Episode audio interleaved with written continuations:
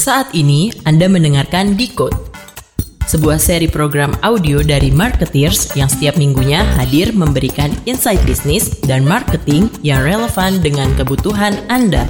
Selamat mendengarkan.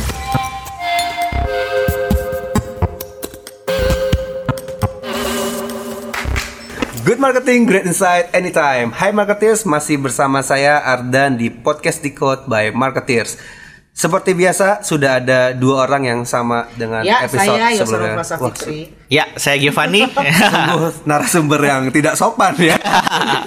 sungguh narasumber tidak sopan, belum diperkenalkan, sudah memperkenalkan diri. Halo, apa kabar Giovanni dan Nova? Baik, baik. baik, baik. Kok kalau dilihat kayak mukanya agak murung, ada apa ini sebenarnya? Aduh, lagi banyak virus corona nih. Banyak virus corona. Kantor gak disemprot ya? Kantor gak disemprot ya? Oke. Mbak Mbak Nova juga nih mukanya murung juga nih kayaknya. Lagi mendung loh ini. Kita menyesuaikan dengan situasi. Gloomy ya. Ah, ngomong apa lagi?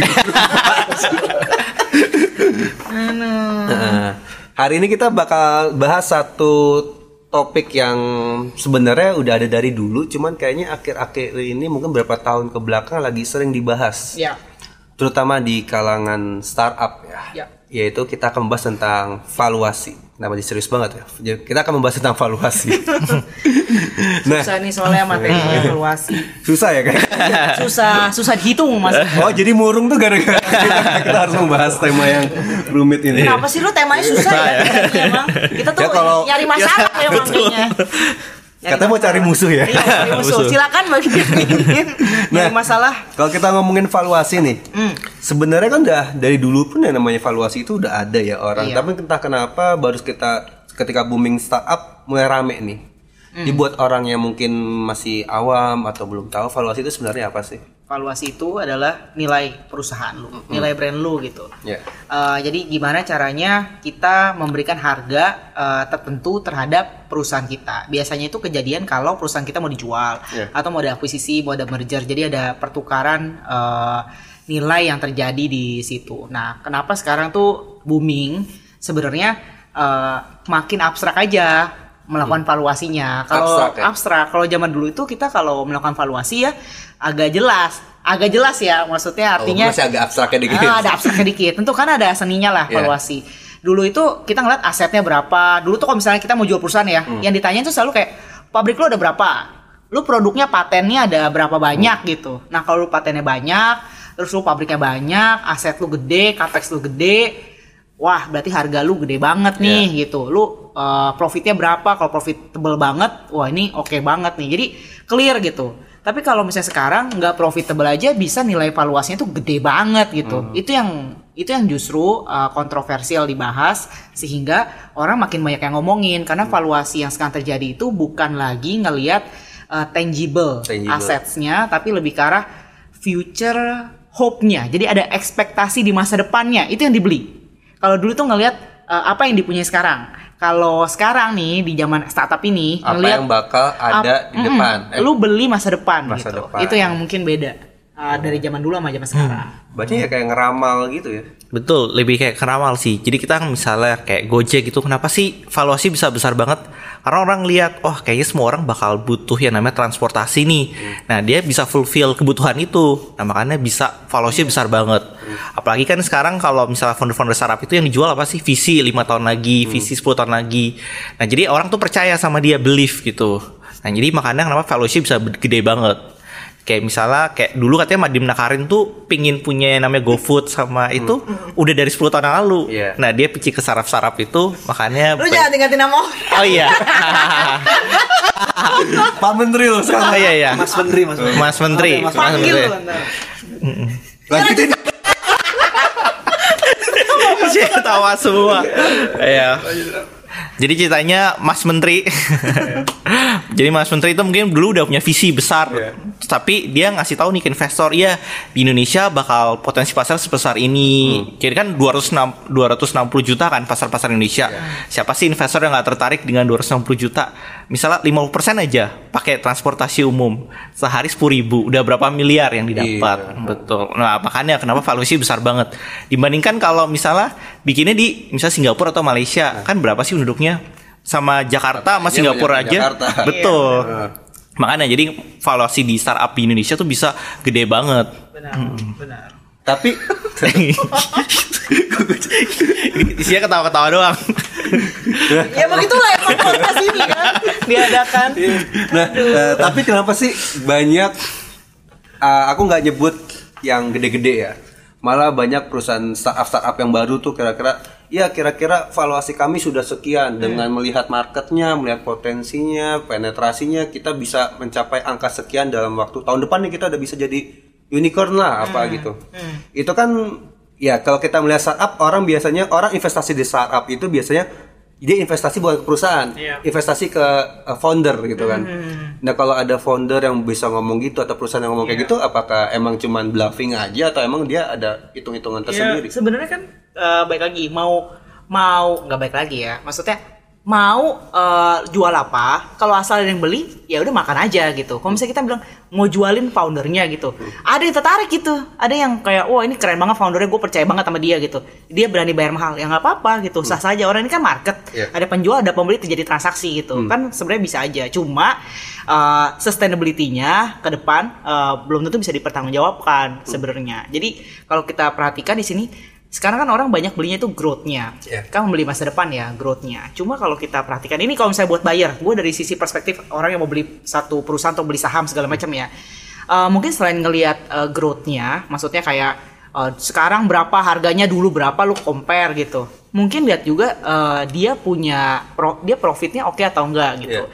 kalau dia profitable dia untung dia udah mulai bisa uh, gede gitu oke banget sebenarnya. Dan juga uh, long term growth jangan lihat short term growth-nya. Jadi long term growth-nya ini misalnya long term growth itu bukan artinya lu ngitung dari tahun kapan sampai tahun kapan ya tapi lebih ke arah lu bisa predik nih oh ini kira-kira ya orang ini bakal banyak yang butuh transportasi orang tuh akan beralih gitu. Itu ada ada visi long term growth-nya gitu ketika lu melihat apakah perusahaan ini layak dijual mahal atau enggak. Jadi bagi para investor juga uh, memang harus ngeliat dari berbagai macam cara. Nah founder itu sangat relevan ketika perusahaannya startup sebenarnya karena uh, ketika perusahaan startup asetnya belum ada. Iya. eh, platformnya masih baru gitu. Jadi otomatis apa yang kita bisa beli gitu adalah mimpinya, visinya, rencananya dari si founder. Bahkan banyak banget yang belum punya eh, orang-orangnya, organisasinya belum lengkap, tapi karena foundernya sangat eh, gigih gitu, komit, itu oke banget gitu bisa. Jadi baik lagi sebenarnya ada yang mau beli nggak? Kalau ada yang mau beli ya silakan. Sebenarnya kan transaksi namanya juga market Jadi itu sah-sah aja ya. sah-sah aja sebenarnya. Contoh misalnya gini kan kalau di startup tuh ada dikenal dengan series ya. Iya. Jadi misalnya lu pertama kali uh, bikin startup nih, ada angel investor masukin seed gitu. Iya. Oke lah, gue nanam saham ke lu 10% gitu. Oke ya gue 10% gue dapat segini ya. Iya. Terus nanti ada lagi yang mau beli misalnya series masuk series A gitu. Masuk lagi gue berani segini gitu. Nanti dia uh, akan masukin uh, kompetensi dari investornya ke sana. Iya. Jadi gue pun dapat gue walaupun saham gue segitu tapi gue uh, kasih banyak ke lu Hmm. gitu. Jadi gue berhak dong dapat Iya. saham lebih banyak karena gue invest ke lu teknologinya segala macam. Hmm. Begitu terus sampai yang paling gak masuk akal ya nanti kalau udah seri E, Iya, F, G. Sekarang udah uh-uh. ada kan kayak gitu. Nah, jadi yang belinya terakhir itu agak lumayan sedih juga sebenarnya Iya. gitu karena udah gede valuasinya menikmati uh, apa namanya off. menikmatinya kita nggak tahu waktunya Hmm. nah jadi sebenarnya tugas uh, orang yang beli uh, perusahaan ketika di masa-masa akhir adalah jangan cuma beli sahamnya doang tapi juga harus memastikan kita ada kontribusi apa di perusahaan itu supaya bisa sustainable apa Hmm. growth-nya kalau enggak ya ya mati bersama gitu udah banyak kejadian itu sih Iya. nggak perlu diragukan lagi ya Heeh. Terus mau Iya. beli saham apa Gio jadi Hmm. Jadi kita mesti lihat dulu dong nanti ke depannya marketnya sebesar apa sih. iya benar Mm-mm. Paling gampang kayaknya properti gitu. Kan kita bisa ngeliat kira-kira dia bikin landnya di mana sih, maksudnya bangun propertinya daerah mana nih. Ya benar. Jadi Misalkan- kayak misalnya di properti land bank gitu. Iya. Kan penting tuh land bank. Iya, iya. Eh, kalau misalnya lu eh, main high rise gitu kan nggak apa-apa ya sebenarnya. Tapi kalau misalnya lu mainnya itu eh, yang residential Residential gitu, rumah. rumah, gitu. Ngeliat lagi land banknya oke apa enggak. Kalau land banknya oke kemungkinan besar ini tumbuh apa ya ruang untuk tumbuhnya itu masih besar. Ketika ruang tumbuhnya masih besar, maka growth-nya pasti akan lebih besar. Itu ada future eh, apa namanya hope yang kita beli di situ. Itu valuasinya makin tinggi sebenarnya. Nah, itu kan tadi eh, industri yang bisa kita lihat ya, rumah kita bisa lihat bentuknya, bisa bisa lihat tanahnya, bisa lihat eh, tinggi gedungnya segala macam. Tapi kalau untuk yang berbau teknologi, software sekarang kan banyak tuh startup-startup yang jualan software kayak misalnya HR system, apa uh, point of sale system juga kayak gitu. Mereka apa yang mereka mereka jual? Apa yang mereka jual sebagai mimpi mereka itu? banyak banget yang bisa dijual sebenarnya contohnya customer aja Iya. jualinnya bukan jualin apa seberapa bagus produk lo tapi seberapa lu bisa akuisisi customer gitu semakin banyak customer yang akuisisi eh, perdagangan yang terjadi di situ tuh bukan serta merta cuma eh, penjualan dari produk lu. Tapi bisa jadi kayak datanya Behavior kita gitu ya. behaviornya segala macam untuk bisa masuk eh, rencana lain yang lebih besar untuk bisa capture itu sebenarnya. Hmm. kayak HR system startup gitu ya.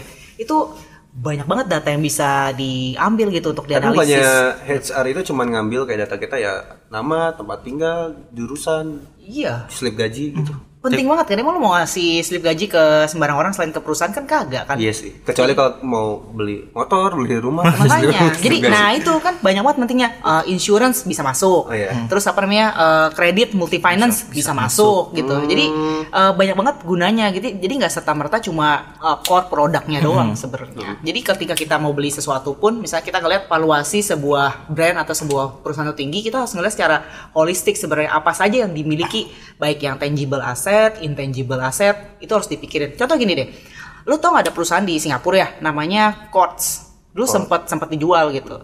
Nah Quartz itu udah kacau banget nih perusahaannya sebenarnya. Cuma ada satu hal yang buat dia valuasinya itu masih dianggap gitu yaitu piutang Hmm. karena orang ketika beli Quartz itu kan ini ya apa buat ngutangin apa dia tuh jual furniture jual apa elektronik segala Iya. macam jadi orang tuh beli ke dia tuh nyicil gitu nah piutang itu berharga banget Hmm. Oh, buat dikumpulin benar ya. dikumpulin kan berharga banget ya jadi nilai valuasi tinggi bukan karena profitable tapi karena punya piutang yang tinggi piutang itu kan juga termasuk apa namanya eh, asetnya si perusahaan gitu jadi orang beli asetnya baik yang tangible maupun yang intangible gitu. Mungkin aku kasih contoh yang kedua, misalnya kayak Spotify. Kita mikirnya Spotify itu jualan apa sih? Ya kita dengerin lagu terus di subscribe. Tapi eh, apa sih yang dia jual? Pernah nggak sih misalnya kita dengerin suka suatu band ataupun apa, terus tiba-tiba muncul di notif kita, eh band ini lagi manggung loh di Jakarta, mau nggak sih beli tiketnya? Nah itu kan salah satu data yang bisa dijual juga ke kita sebagai customer yang dengerin dia. Atau enggak misalnya band baru itu ngeluarin album baru, dia bisa promote di Iya. tadi media tadi terus kita bisa lihat oh dia lagi ngeluarin album baru nih langsung kita dengerin itu juga Bisa banget. banyak. Oke, kalau kita ngomongin valuasi kan rame istilah unicorn, dekakorn. Seolah-olah kalau udah jadi unicorn tuh kayak wow, sukses gitu. Apalagi kalau udah jadi dekakorn gitu kan.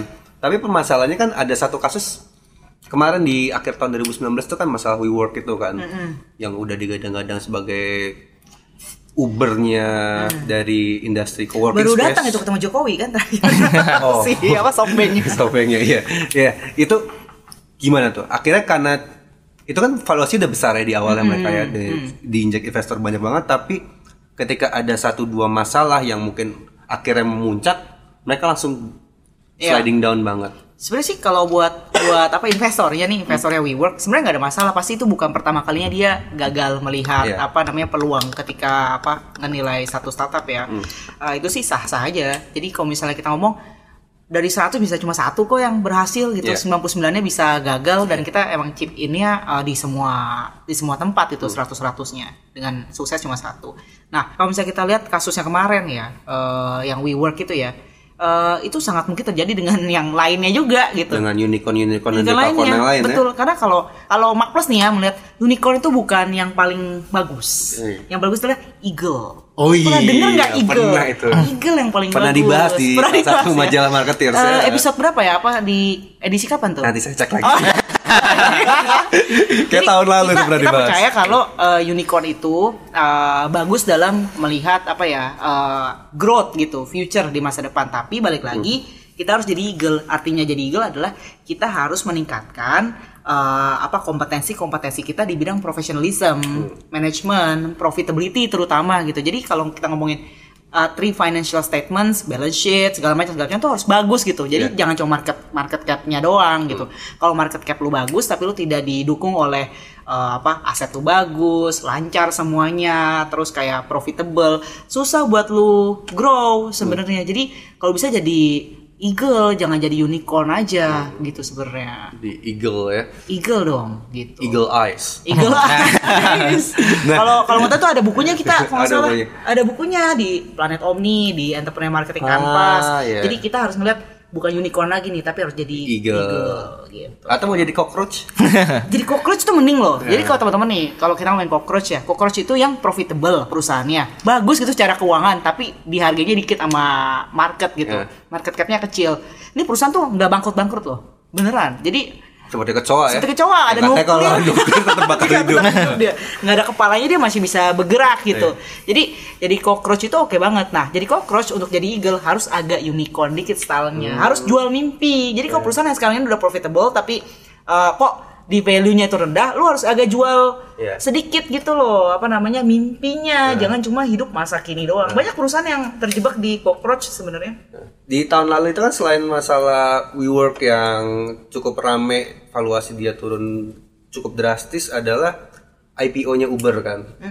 IPO-nya Uber yang digadang-gadang bakal jadi salah satu IPO terbesar dalam sejarah dunia. Yap, yap. Eh ternyata malah kesandung kepleset juga nih mereka dan katanya beberapa perusahaan teknologi yang emang besar ketika eh, sebelum melantai di bursa itu juga valuasinya besar-besar tapi ketika mereka melantai dalam beberapa tahun ya emang mereka turun. Apakah itu suatu hal yang normal? Apa bagaimana? Ya normal banget sih Hmm. sebenarnya. Untuk case-nya Uber sebenarnya kayaknya momentumnya aja sih. Harusnya IPO-nya mungkin lebih awal. Hmm. Eh, apa ya underwriternya itu eh, waktu kasusnya Uber kan eh, sebenarnya udah untung juga Iya. gitu. Tapi eh, yang kasihan adalah yang beli sahamnya gitu. Jadi roadshow-nya itu kurang kurang mulus sebenarnya dibandingkan sama Alibaba dulu gitu. Iya. Waktu kasusnya Alibaba waktu roadshow itu nilainya lebih kecil Hmm. dibandingkan pada saat dia eh, IPO gitu. Pas IPO heboh banget. Jadi Iya.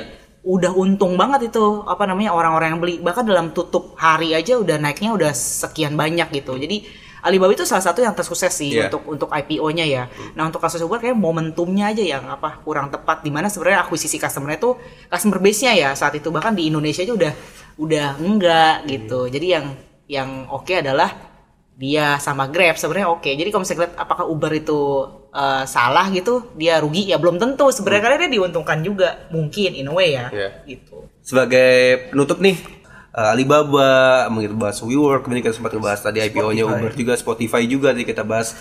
Ada pesan gak sih atau mungkin penutup dari kalian berdua?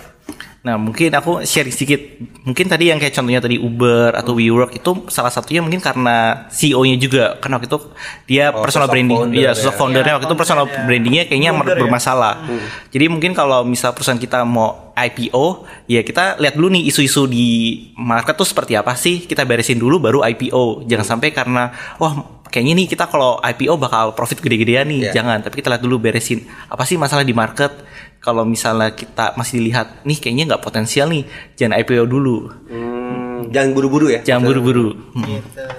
Oke. Nah, Kalau dari gua valuasi itu eh, zamannya beda sama zaman dulu gitu. Nah, baik lagi valuasi itu bukan science sih, sebenarnya valuasi itu Art, art, gitu. Jadi awal ya. eh, eh, karena eh, asal ada yang ada yang jual, kalau ada yang mau beli kan silakan sah saja gitu. Jadi baik lagi yang untung adalah orang yang punya seni eh, untuk melakukan valuasi, tapi di saat yang bersamaan dia juga eh, punya basis yang jelas untuk menghitung sebenarnya, Hmm. baik yang tangible maupun yang intangible gitu. Oke, eh, thank you banget Mbak Nova, Giovanni buat waktunya di hari ini. Tadi kita udah ngebahas tentang valuasi. Jadi itu dia marketis pembahasan kita untuk episode kali ini. Eh, jangan lupa untuk dengerin terus seri-seri kami berikutnya. Kalau ada pertanyaan bisa tanya di Instagram kami di @marketis atau bisa juga tanya di akun Instagramnya Marplus Institute di @marplusinstitute. Kalian juga bisa ikutin eh, beberapa seri pelatihan dari kami dari Marplus Institute juga dan juga dari Marketeers. Sebagai penutup jangan lupa untuk pencet follow di akun Spotify-nya Marketeers. Sampai jumpa lagi di podcast Decode by Marketeers episode berikutnya. Sampai jumpa. Terima kasih sudah mendengarkan seri podcast ini. Untuk insight mendalam lainnya, silakan dengarkan konten podcast kami yang lain, atau Anda bisa berkunjung ke kanal YouTube kami di Marketeers TV, situs kami marketeers.com, dan membaca majalah bulanan kami. Selamat menikmati dan sampai jumpa.